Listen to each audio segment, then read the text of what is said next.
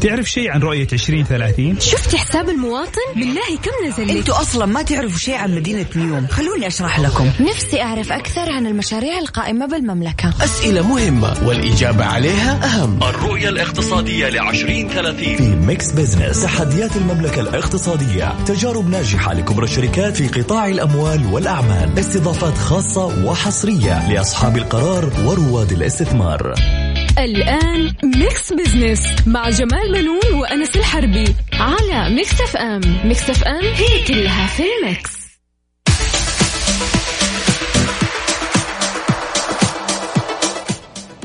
مرحبا بكم مستمعينا الكرام أنا جمال بنون أحييكم من Mix FM وبرنامج Mix Business أرحب بزميلي أنس الحربي الذي يشاركني التقديم. أهلا وسهلا فيك أستاذ جمال وأهلا وسهلا فيكم مستمعينا مستمعي برنامج Mix Business اللي يجيكم في هالتوقيت نتكلم كالعادة في برام آه، قضايا اقتصادية نبسط فيها رؤية 2030 بحيث تكون أسرع فهما وهضما.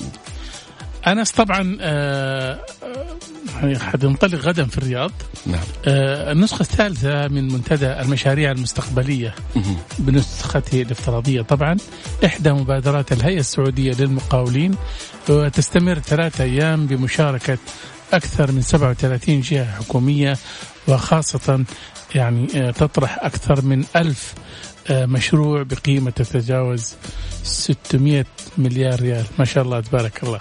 الله يزيدها ويعد المنتدى فرصة للمقاولين لاكتشاف الفرص والمشاريع المستقبلية من قبل عدد جهات تحت مظلة واحدة مما يمكنهم من إعداد خططهم المستقبلية إضافة إلى أنه يعد منصة لملاك المشاريع لاستعراض مشاريعهم وتعزيز مبدأ الشفافية والتنافسية وفرصة استثنائية لبناء العلاقات؟ طبعا آه، أنس المنتدى يهدف إلى تحسين آه، خطط وقرارات المقاولين من خلال معرفة الفترة الزمنية للمشاريع المستقبلية والتكاليف التقديرية لها كما أنه فرصة آه، للمقاولين للاجتماع بملاك المشاريع والتعرف على إشت- الاشتراطات وطريقة التسجيل والمؤهلات المطلوبة.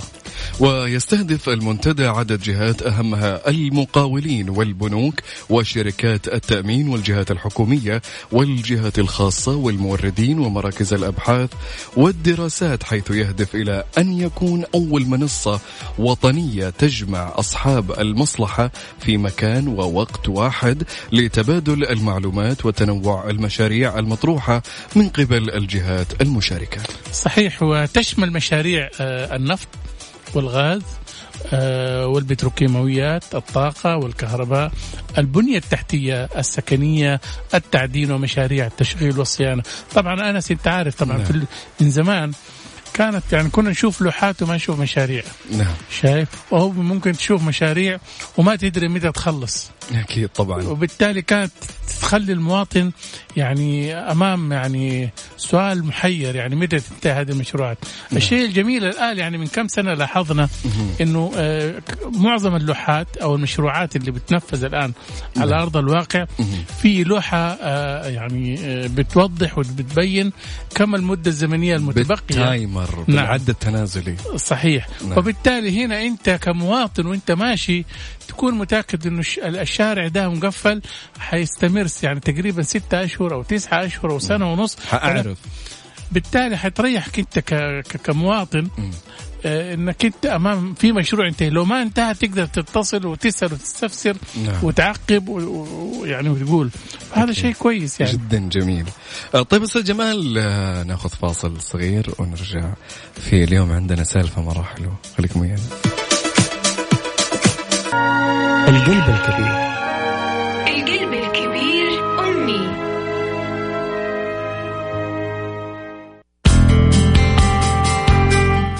أهلا بكم مستمعينا الكرام آه، انس طبعا يصادف اليوم الأحد اليوم العالمي ليوم الأم نعم أو القلب الكبير نعم آه، تحياتنا طبعا آه، من Mix Business إلى كل الأمهات إنهن وردة الحياة وألوانها الجميلة وصمام الأمان وبركة حياتنا. تذكرت الحقيقة أنس قبل أسبوعين لفت انتباهي صورة لطالب هندي في الصف. الثامن. طبعا عندهم هم هناك لين تسعة آه، يقولوا يعني السنة التاسعة كمان يعني عارف؟ آه، أبوه قال له إنه والدته جالسة في البيت ما بتعمل أي شيء. نعم. ويعني ما منها فائده يقول بس بتسوي؟ ما بتسوي شيء. نعم. آه، يقصد طبعا انها انها يعني جالسة في البيت ما بتعمل أي حاجة. الطالب شوف نعم. يبدو إنه هو زعل من كلمة أبوه لما قال له أمك جالسة في البيت ما بتعمل أي حاجة. اي راح رسم اللي شاف أمه إيش بتعمله من النهار لين الليل نعم. إيش بتعمل؟ راح رسم لوحة آه كل الأعمال اللي بتنفذها.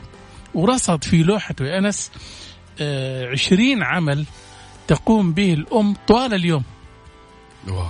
آه، الحكومة الهندية من إعجابها باللوحة هذه آه، أخذتها كغلاف في تقرير المساواة بين الجنسين اللي صدر آه، هذه السنة طبعا في 2021 والصورة الحقيقة أكيد يعني في كثيرين ناس تابعوها وشافوها. نعم. وأنا بس خليني أقول لك إيش هي ممكن تكون يعني في اللوحة. ممكن الناس اللي يعني ما شافت ممكن تفهم يعني منها. مسوي إنها هي في المزرعة. يعني إنها هي يعني إيش؟ في المزرعة. مهم. وبتطبخ في المطبخ. وبتكت شعر طفلها. أو طفلتها. أنا شفت شايف؟ المنظر جدا يعني. وبتحلب ال- البقرة. وكمان بتجيب الخضروات من السوق. المهم هي 20 رسمة تقريبا. وممكن لو كل واحد لو فينا طلبوا منه يرسم لوحة عن إيش الأعمال اللي تقوم بها وأنا متأكد إنه هيطلع أكثر من- أكثر من كذا. كل طبعاً. واحد. تفضل. كمان أتذكر قصة سي جمال ملهمة حدثت لرجل أعمال سعودي. آه، كانت الأم سبب في انطلاق مشروع استثماري آه، بدأ من سبعين ألف ريال إلى خمسين مليون ريال. يقول المهندس عبد الإله بن عبد العزيز الدباس أن مشروعها بدأ من محل شعبي لبيع الفصفص بالسيارة وكانت الفكرة عبارة عن البيع المتجول بالسيارة اللي هو الونيت آه، استجابة لطلب والدته. وكان هدفها هو آه، دعوتنا لقضاء الوقت في شيء مفيد والبعد عن أصدقاء السوء. هالفكرة وبعد بضع سنوات تحولت لمشروع تجاري منظم ومرخص برأس مال قدره سبعين ألف ريال؟ يقول المهندس عبد الإله بن عبد العزيز الدباس هالمبلغ كان مساهمة من الوالدة لانطلاق المشروع حتى كبر اليوم وبلغ رأس مال الشركة 50 مليون ريال و100 معرض في 30 مدينة سعودية؟ صحيح الحقيقة أكيد آه، آه، كثير من الناس عندهم قصص ملهمة ومؤثرة الحقيقة. مهما حاولنا أن نعبر سجمال عما بداخلنا لأعظم إنسانة في هالحياة الكلمات والحروف ما بتكفي أبدا آه، فهي من أنار الطريق لحياتنا هي من أرشدنا أوقات للصواب وتحملت متاعب كثير ومصاعب عشان إحنا أولادها.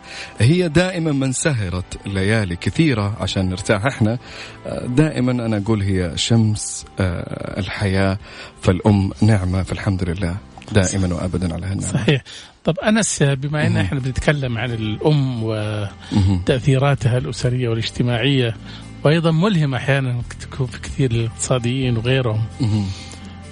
حكينا أنت قل لي كذا كلمة تفتكرها لأمك يعني وتم يعني تتذكرها. يعني الكلمة هذه آه، في كثير من المواقف والله الوالدة دائما آه، يعني أنا من توفى الوالد وأنا صغير يعني. كنت مسكت مسؤولية في البيت كبيرة جدا. دائما تقول لي كلمة انتبه لنفسك أولا عشان وراك أخوان. وراك أخوات أنت قدوة أنت كبير البيت. فاللي بعدك كلهم بيتأثرون. فأنا على قولهم منعت نفسي من أشياء جدا كثير عشان آه، أخواني الصغار. الله يحفظها لك آمين. شاء الله. آمين. طبعا آه، أكيد كل واحد فيكم اليوم عنده قصص مؤثرة فحافظوا على بركتكم في البيت. أكيد. طيب مستمعينا فاصل وراجعين. نخش على Mix Business بعد هالفقرة الحلوة. والله يحفظ لنا يا رب أمهاتنا وأمهاتكم إن شاء الله ويطيل في أعمارهم يا رب ويرحم من مات. يا رب العالمين. Mix Business مع جمال بنون وأنس الحربي على Mix FM. Mix FM هي كلها في ال Mix.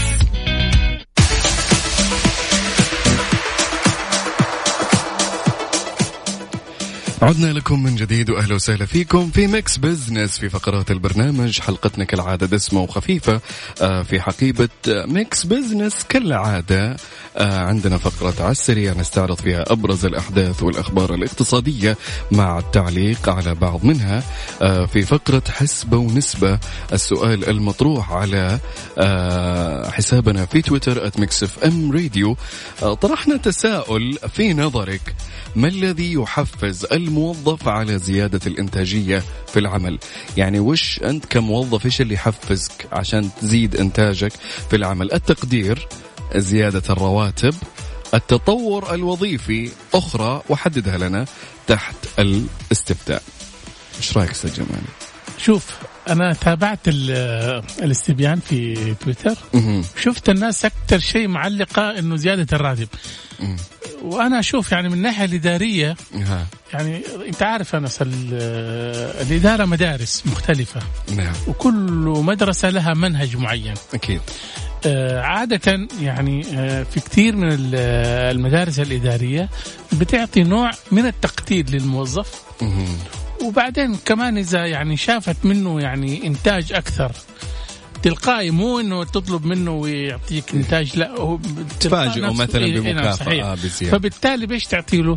بتشاركوا في الأرباح آخر السنة كنوع من التقدير. نعم. بتشاركوا في آه، الاحتفالات والمناسبات اللي, اللي تخص مثلا إذا كان عنده آه، مناسبة ترقية أو مناسبة عيد ميلاده أو إذا كان مثلا لا سمح الله مرض وتعافى يعملوا له آه، حفلات صغيرة زي كذا. صحيح. فبالتالي هذه يعني مدارس مختلفة.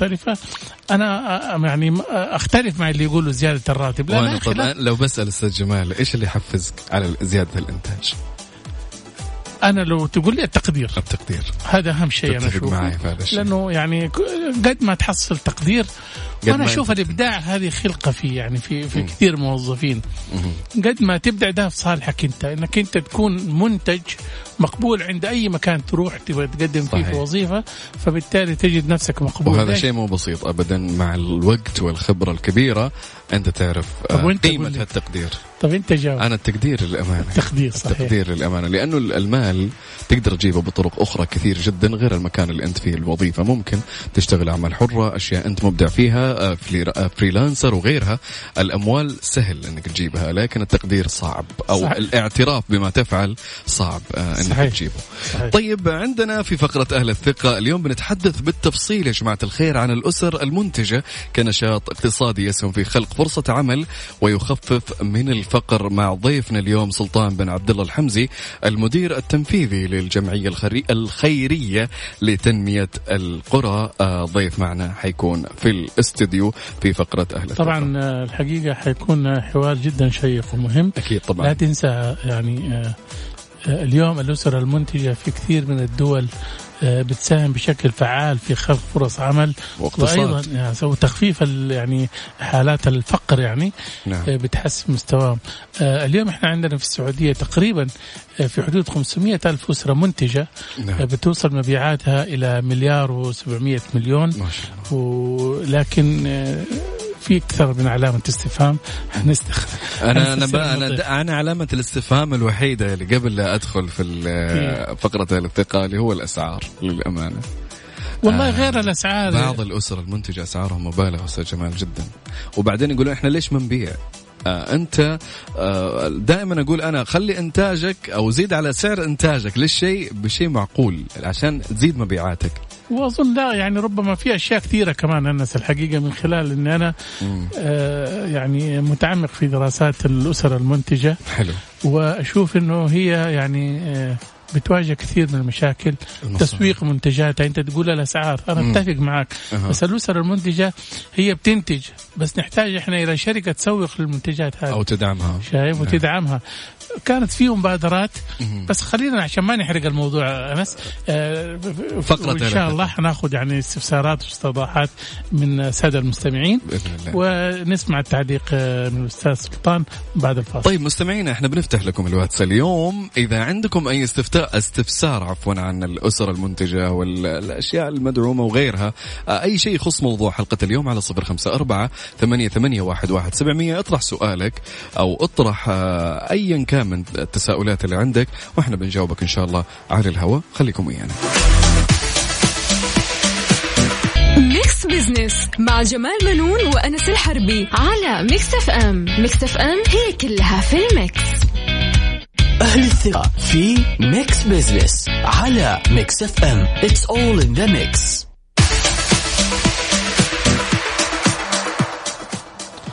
عدنا لكم من جديد مستمعينا في Mix Business آه، معي زميلي أنس الحربي آه، طبعا أنس آه، الأسر المنتجة تعتبر جزء من مكونات منظومة الإنتاج نعم. والعمل اللي تهدف الحكومة إلى تأهيلها وتحويلها من أسر متلقية للمساعدات إلى أسر منتجة قادرة على العمل والإبداع وتسويق منتجاتها للحصول على مورد مالي ثابت وأرباح مجزية.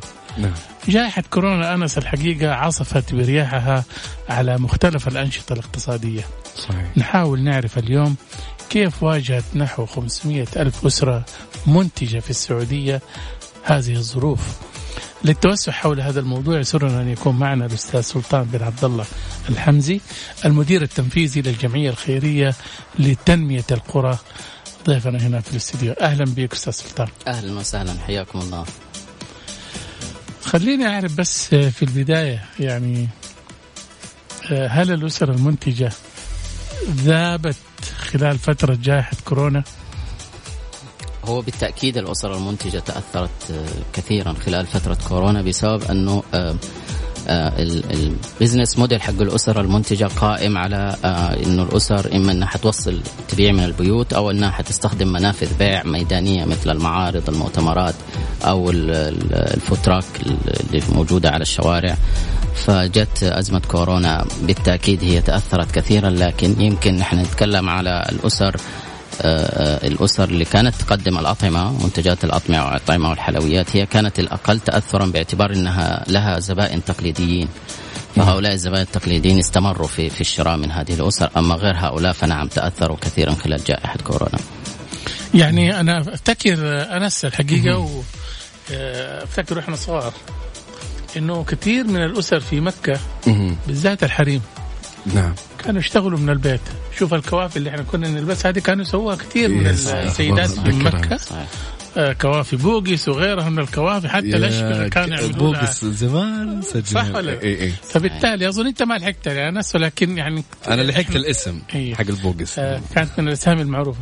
إيه. الأسر هذه كانت تشتغل. إحنا في الإحساء كمان شفنا كثير من العوائل والأسر اللي بتعمل المشالح وتعمل الأشياء زي هذه. يس. فيعني آه، للأسف الشديد طبعا في كثير من الأسر آه، حافظت على نشاطها وتوارثت الأبناء بالذات المشالح. لا ومنتوجات سعف النخل وغيرها. بالفعل وغيرها والأشياء زي هذه. أنت تشوف إنه زي هذه ال- يعني الأعمال ممكن تتوارثها الأجيال؟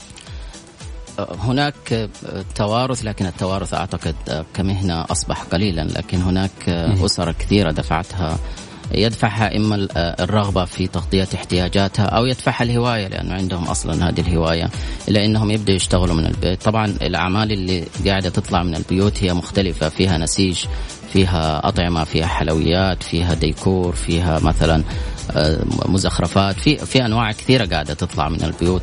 هو التحدي اللي اللي للأسف يقابل الاسر المنتجة هو إنه مهاريا التمكين المهاري أي قدرتهم على مثلا آه، فهم آه، موضوع الهوية آه، الباكجينج التسعير التوزيع التسويق. هذه المسائل اللي أعتقد أنا شخصيا وإحنا في الجمعية من خلال دراسة استمرت سنة كاملة إنه عندنا ثغرة فيها. هي هذه الأسباب اللي تجعل العائدات على الأسر المنتجه أقل بكثير. من المطموح آه، له. آه، نحن البنك يتحدث إنه خلال 2020 بنك التنمية باعتباره هو المرجعية اليوم للأسر المنتجة الرسمية في اللائحة اللي صدرت عن مجلس الوزراء في عام 1440 البنك اليوم يتحدث عن مبيعات في 2020 تجاوز 800 مليون ريال في 2020 في كورونا. إذا نحن أمامنا آه، بزنس كبير ضخم ليس سهلا. إذا كان في وقت كورونا هذه الأرقام آه، وجدت فما بالك لو كان الأمور بشكل أفضل. لكن مثل ما أقول لك إنه الثغرات موجودة في في في التمكين المهاري. التمكين المالي الحمد لله. البنك بيضخ مبالغ مرة كويسة للاسر المنتجة. جميل. تبدأ من 3000 تصل ل 50000 كإقراض. وأيضا لو تجاوز نصف الفترة يمكن أن يتم إقراضهم من من جديد. لكن هناك دائما شكاوى مثلا من موضوع التسعير. سعر المنتج يعني المنتج طب نعم. بسألك أستاذ سلطان بما أنك ذكرت قروض ودعم إيش نوعية الدعم غالبا والمساعدة اللي قدمت لها الأسر الأسر تتلقى دعم في اتجاهين تتلقى دعم مالي كإقراض م. وتتلقى دعم آه، يسمى آه، يسمى غير مالي أي التدريب والتثقيف والتوعية. آه، البنك اليوم بنك التنمية عندهم إدارة كبيرة لهذا لهذا المشروع وأتوقع إنه في توجه مرة ممتاز لكن ما زال في ثغرة كبيرة ميدانيا. الحقيقة الأرقام. زي إيش؟ إنه اليوم إحنا لما جينا نشوف وين الخلل ليش في دعم مالي كويس بس العائدات ضعيفة.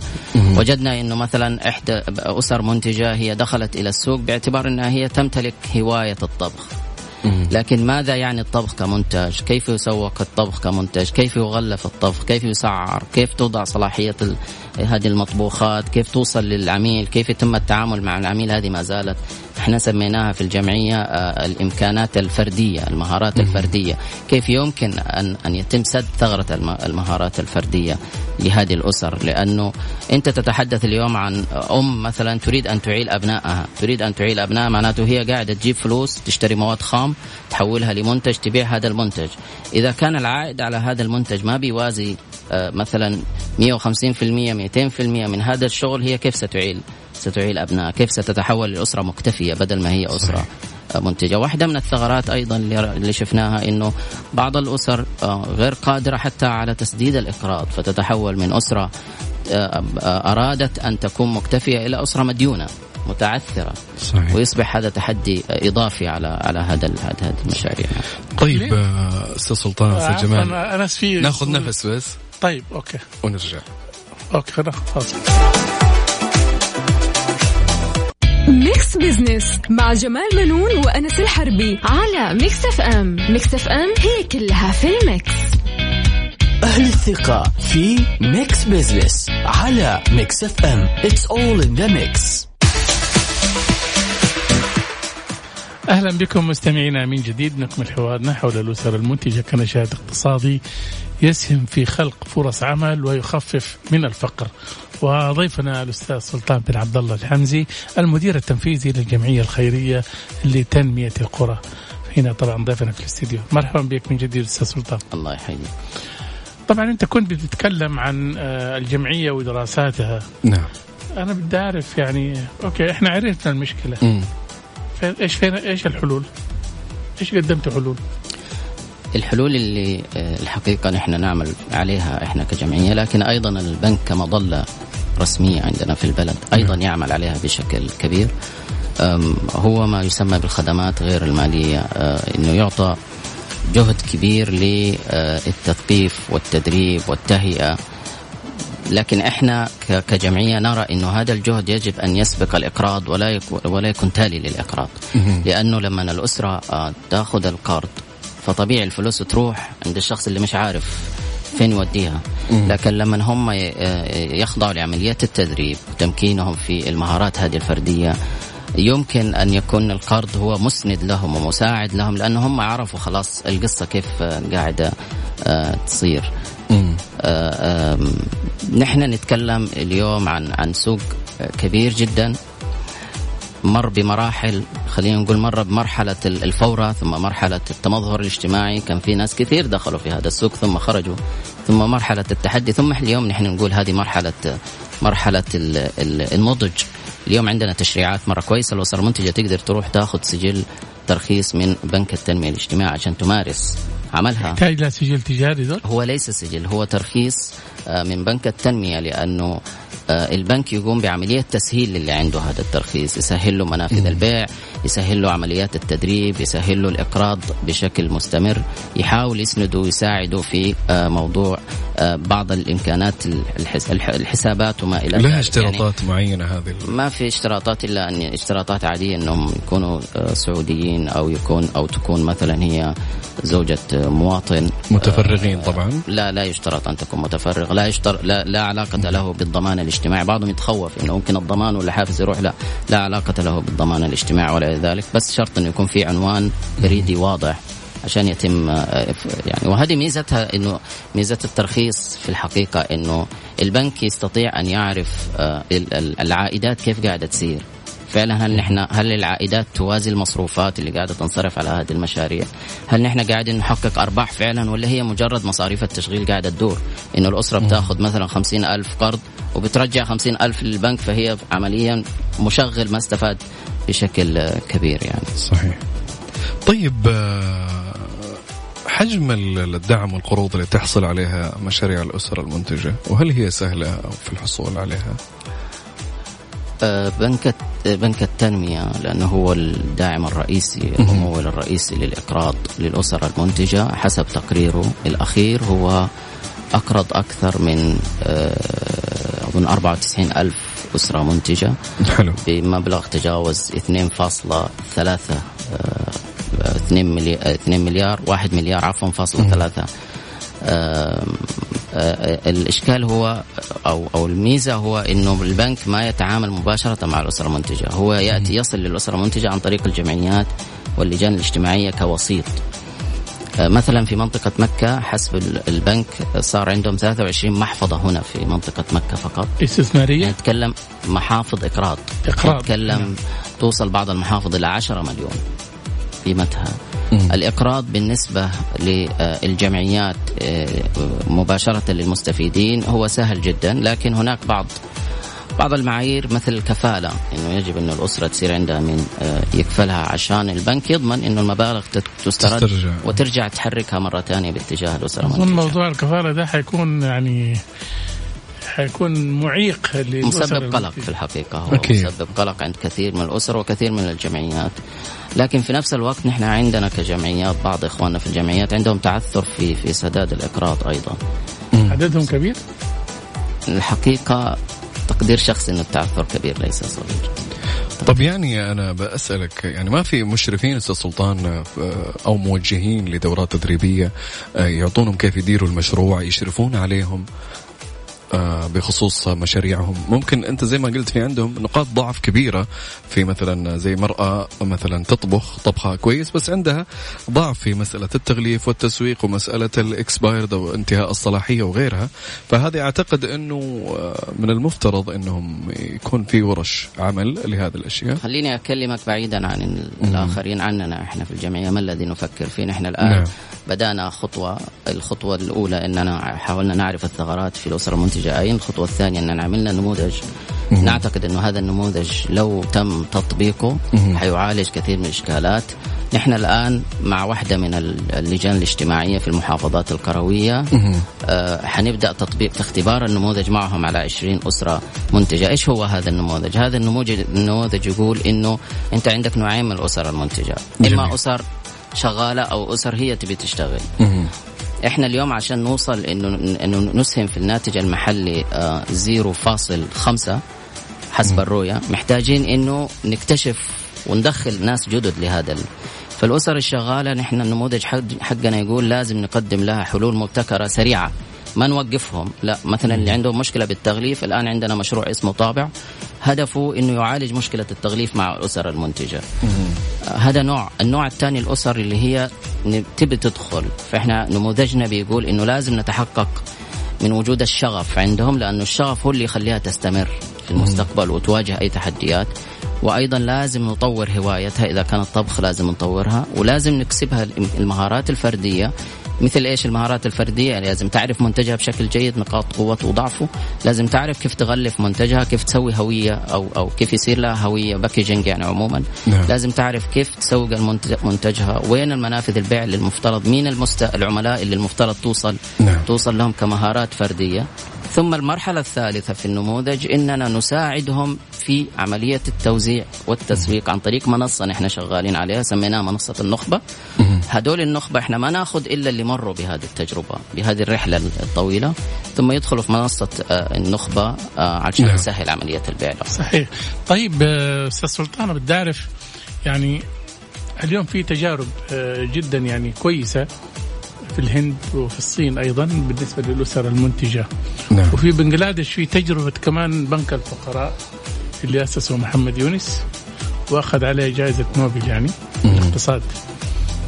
آه، أيضا يعني هذه التجارب إحنا عندنا في السعودية قبل أسبوعين أظن أنا سمعت إنه أسسوا بنك المنشآت.